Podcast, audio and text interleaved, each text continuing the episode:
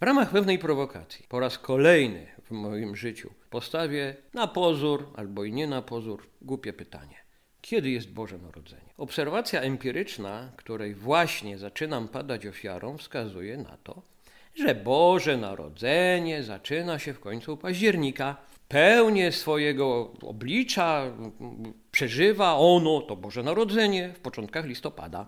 Przez cały listopad mamy kulminację zjawiska pod tytułem Boże Narodzenie, a właściwie magiczne święta Bożego Narodzenia, a właściwie magiczne święta nie wiadomo czego. To wówczas bowiem supermarkety zaczynają zmieniać wystrój. Banki zaczynają nachalnie proponować, a właściwie narzucać nam stosowne świąteczne, bez precyzacji jakie świąteczne, pożyczki. A ulicami miast najpierw nieśmiało, pojedynczo, cichutko, ale potem całymi stadami przemykają różni przebierani za nie wiadomo co dżentelmeni, mający prawdopodobnie udawać świętego Mikołaja, choć właściwie to już nie wiadomo, czy na pewno o niego tu chodzi. Stopniowo symbolika kultury masowej w odniesieniu do świąt zdaje się być coraz bardziej luźna. Mikołaje bywają zieloni, różowi, bywają w innych kolorach, stosownie do fantazji twórców. Choinki stawiane w sklepach wielkopowierzchniowych i na rynkach miast w coraz mniejszym stopniu przypominają jakiekolwiek drzewo iglaste,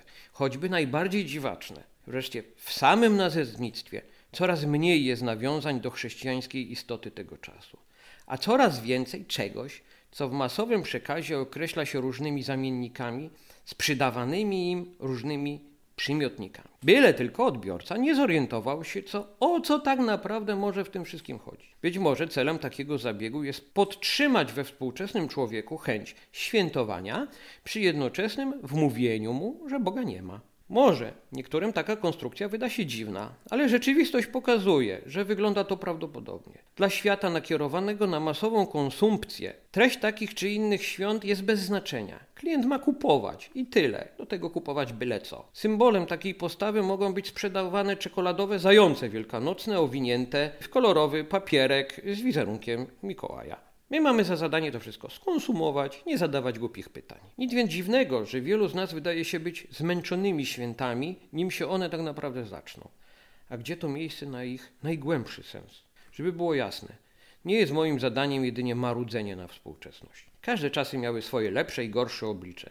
Kiedyś próbowano wygryźć świętego Mikołaja z posady za pomocą dziadka Mroza, któremu przydawano dwie śnieżynki. Bywało i tak, że zgodnie z nową świecką tradycją prezydent Bierut ignorował święta, organizując obrzęd choinki, zdaje się w Sylwestra, obdarowując przy tym wybrane podobno wyróżniające się dzieci prezentami. Obrazki czegoś takiego możemy oglądać dziś w archiwalnych odcinkach polskiej kroniki filmowej. Dzieje człowieka i jego kultury opierają się na tworzeniu rzeczy nowych i dodawania ich do tego, co było. Choinka nie stała w polskich domach od chrztu mieszkowego w 966 roku. Bombki i ozdoby, które na niej wiszą, są wytworem czasów i zmieniają się i przekształcają.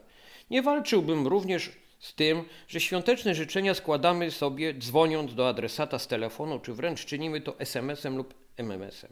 Lecz bardzo niepokoi mnie ta daleko posunięta dychotomia pomiędzy racjonalnością a absurdem. Ten ostatni tak naprawdę prowadzi nas prostą drogą do cywilizacyjnego szaleństwa i dlatego powinniśmy się przede wszystkim jemu z całych sił sprzeciwić przed świętami Bożego Narodzenia. Dla przypomnienia, przed Bożym Narodzeniem mamy Adwent.